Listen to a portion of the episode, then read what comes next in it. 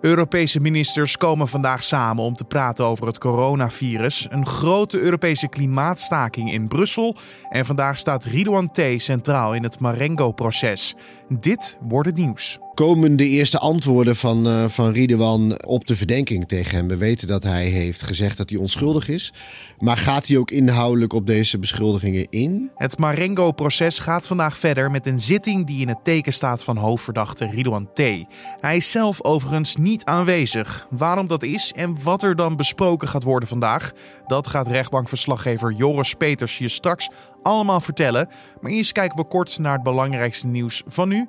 Mijn naam is Carne van der Brink en het is vandaag vrijdag 6 maart. Turkije heeft donderdag 21 militairen van de Syrische regering omgebracht als vergeldingsactie nadat Syrië eerder op de dag twee Turkse militairen ombracht. De vergeldingsactie van Turkije vond plaats in aanloop naar een staakt het vuren. Vrijdagnacht ging in Idlib een wapenstilstand van kracht tussen de Russische president Poetin en de Turkse president Erdogan. Deze wapenstilstand hadden zij donderdag tijdens een ontmoeting afgesproken. Idlib is nog het enige grote gebied in Syrië dat in handen is van rebellen. Een deel van deze rebellen wordt gesteund door Turkije, terwijl Rusland het leger van de Syrische president Assad steunt. Feyenoord heeft zich donderdag op indrukwekkende wijze geplaatst voor de finale van de Toto KNVB-beker. De ploeg van trainer Dick Advocaat walste in eigen huis met 7-1 over NAC Breda heen. Tegenstander van Feyenoord in die finale is FC Utrecht, dat woensdagavond met 2-0 van Ajax won. Het duel wordt gespeeld op zondag 19 april en dat wordt gedaan traditioneel in de Kuip. Steeds meer MBO-studenten gaan tijdens hun studie in het buitenland studeren of lopen in het buitenland stage. Dat schrijft Trouw op basis van een inventarisatie van de internationaliseringsorganisatie NUVIC. In 2017, het meest recente jaar waarvan de cijfers beschikbaar zijn, deed 8% van de MBO-studenten ervaring op in het buitenland. De meeste studenten liepen stage in onder meer België, Duitsland, Malta, Spanje en het Verenigd Koninkrijk. Vooral studenten die studies volgen in bepaalde richtingen, zoals toerisme en voedsel, kiezen voor een stage in het buitenland. 15 Nederlanders die vanwege het coronavirus in een hotel op Tenerife in quarantaine zaten, zijn onderweg naar Nederland. Een groep van 12 Nederlandse hotelgasten reist op een later moment naar huis, al dus het ministerie van Buitenlandse Zaken. De Nederlanders zaten sinds vorige maand met honderden andere hotelgasten vast in het hotel, nadat één Italiaanse gast besmet bleek met het coronavirus. Alle Nederlanders hebben een gezondheidscheck gehad. Daaruit bleek dat ze niet besmet zijn. Wel wordt de groep eenmaal thuis uit voorzorg gecontacteerd door de GGD. De Britse regering heeft bijna 4,5 miljard pond, omgerekend zo'n ruim 5 miljard euro, uitgegeven aan de voorbereidingen van het Verenigd Koninkrijk om de Europese Unie te verlaten. Uit het rapport van de National Audit Office bleek dat het meeste geld is uitgegeven aan de kosten voor personeelsleden, de aanleg van nieuwe infrastructuur en aan extern advies. De Britse overheid had 6,3 miljard pond, dat is omgerekend zo'n 7,2 miljard euro, vrijgemaakt voor de voorbereiding van de brexit. En volgens de eerste schatting is daar dus slechts 70% van uitgegeven. En dan over naar het gesprek van vandaag. Het Marengo-proces gaat vandaag verder met een zitting in de zwaar bewaakte rechtbank in Amsterdam-Osdorp. Alles staat vandaag in het teken van hoofdverdachte Ridouan T. Dit proces draait om een reeks liquidaties en pogingen daartoe in de onderwereld. Naast hoofdverdachte T zijn er nog 16 andere verdachten. Alleen deze zaken zijn opgesplitst. Dus het ene moment gaat het over de 16 verdachten en vandaag gaat het dus over Ridouan T.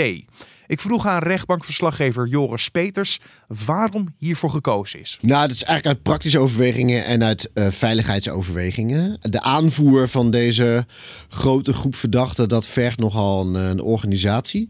Zeker op veiligheidsvlak. En uh, in het geval van Ridwan T uh, zal dat uh, ongeveer een militaire operatie zijn geweest. Dus op die manier hebben ze ervoor gekozen om het gewoon op een andere dag te doen. ik kan je zeggen, de, de bunker barst al bijna uit zijn voegen als de alle andere verdachten komen. Ja, want waar moet ik dan aan denken? Militaire operaties? Nou goed, kijk, we hebben ooit, het was volgens mij september 2018, toen kwam de, de verdachte Rico de Chileen genaamd naar de bunker. Nou, die heeft, wordt een beetje door het Openbaar Ministerie ongeveer op hetzelfde niveau geschat als Ridwan T, misschien iets daaronder. Ehm, en daar hing een, eh, een helikopter van de marechaussee uh, boven de bunker. En zwaar bewapende figuren. Dus dat zal bij uh, Ridwan zeker niet minder zijn. Hè? Er wordt gewoon rekening gehouden met het feit dat, hij, dat er misschien een poging wordt gedaan om hem te bevrijden. Er wordt eigenlijk volgens mij met alles rekening gehouden. Ja, en, en dan dus doel je inderdaad op de invloed van buitenaf. Of hoe mensen naar hem kijken en hoe serieus nou ja, wie, bedoel, wie weet heeft hij geld apart gezet voor zijn eigen bevrijding. Ja, het zijn allemaal insinuaties, maar het zijn wel scenario's waar rekening mee wordt gehouden. Um, dus het zekere voor het onzekere wordt dan genomen. En dan hebben we het gewoon over hele zwaar bewapende mensen. Eigenlijk zou uh, het vandaag in het teken staan van Ridwan T. Dat staat het ook nog. Alleen hij is zelf niet aanwezig. Nee, Nee, hij, was, nou, hij, hij vond het eigenlijk uh, niet terecht dat zijn zaak werd afgespitst. Hij wilde samen met zijn medeverdachte uh, uh, terecht staan. In ieder geval op die zitting aanwezig zijn. En toen dat niet het geval was, heeft hij er heeft hij ervoor gekozen om niet aanwezig te zijn. En ik heb gehoord dat op de achtergrond ook wel meespeelt. Uh, dat hij niet als een soort trofee gepresenteerd wil worden. En dat hij er daarom ook vanaf ziet om niet, uh, niet te komen. De advocaat van Ridouan T. had eerder gezegd dat uh, hij zoveel mogelijk bij de zittingen aanwezig zal zijn. vandaag dus niet. Dan lijkt me dat zij het voortouw gaat nemen. Alleen op welke manier dan? Nou ja, dat is een beetje de vraag. Hè? Ik bedoel, de, de komende eerste antwoorden van, van Ridouan op de verdenking tegen hem. We weten dat hij heeft gezegd dat hij onschuldig is. Maar gaat hij ook inhoudelijk op deze beschuldigingen in? Um, en er zijn nog wel een paar andere kwesties die, uh, uh, die mogelijk besproken gaan worden. Hè. Zijn, zijn advocaat Wesky heeft eerder al laten weten dat het overbrengen van Dubai, van Ridwan naar, van Dubai naar Nederland, uh, veel weg had van een ontvoering. Um, dus mogelijk zal zij dat uh, vandaag op de zitting wel willen aanstippen. Nou, ontvoering en op welke manier doet ze dan? Nou ja, kijk, uh, de handelswijze? Nou ja, ja, precies de handelswijze. Ridwan is dus als een ongewenste vreemdeling Dubai uitgezet. Dat gebeurde een dag na zijn aanhouding in december.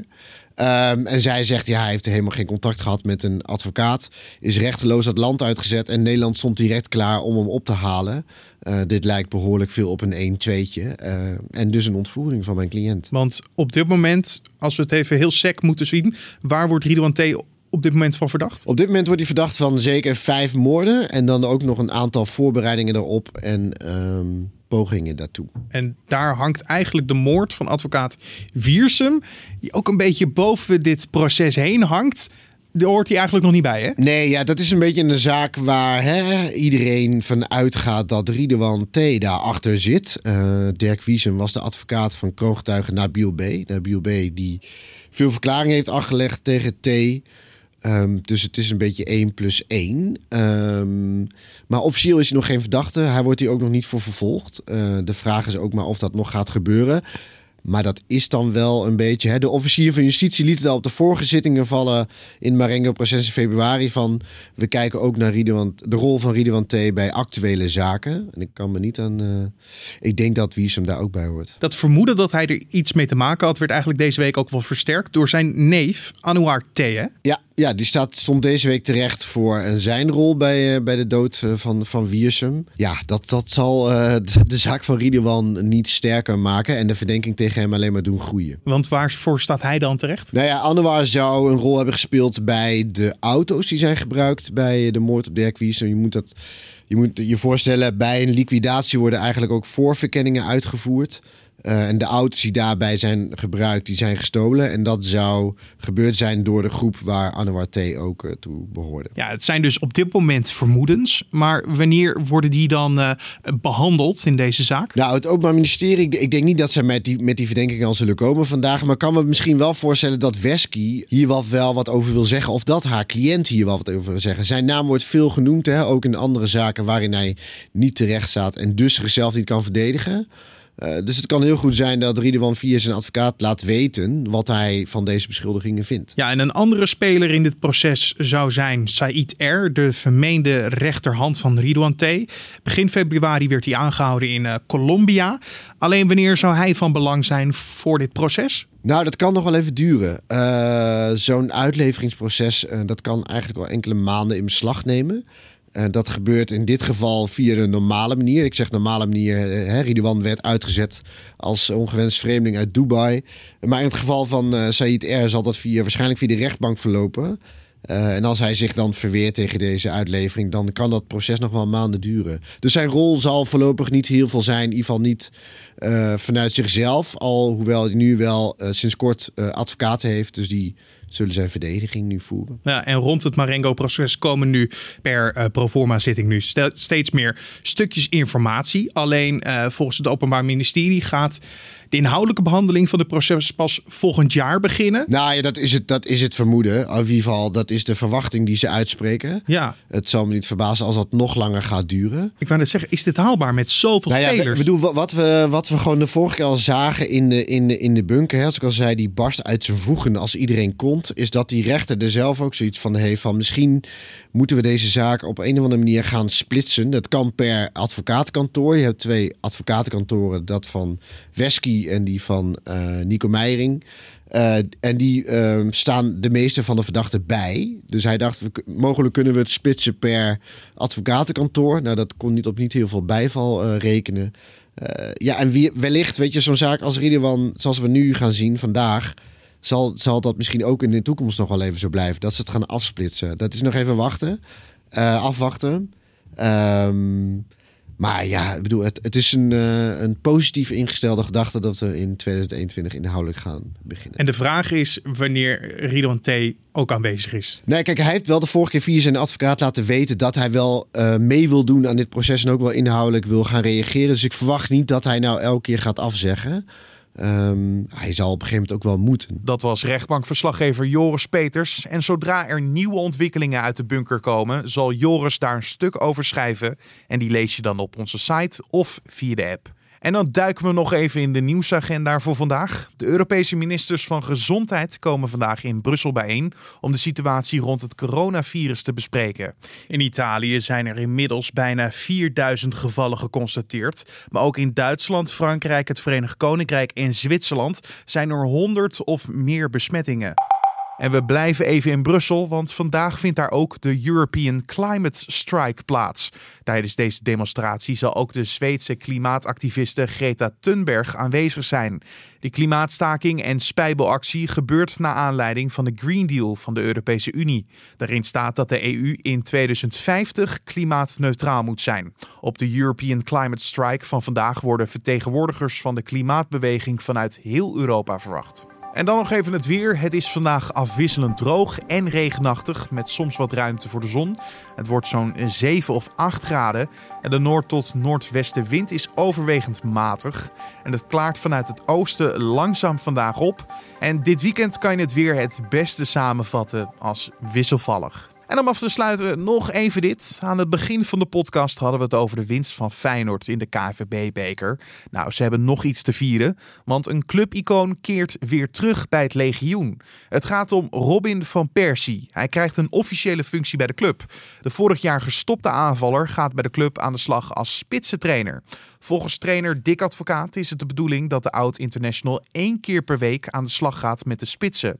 Advocaat en Van Persie kennen elkaar goed, want ze werkten zowel bij het Nederlands elftal als bij de Turkse club Fenerbahce samen met elkaar.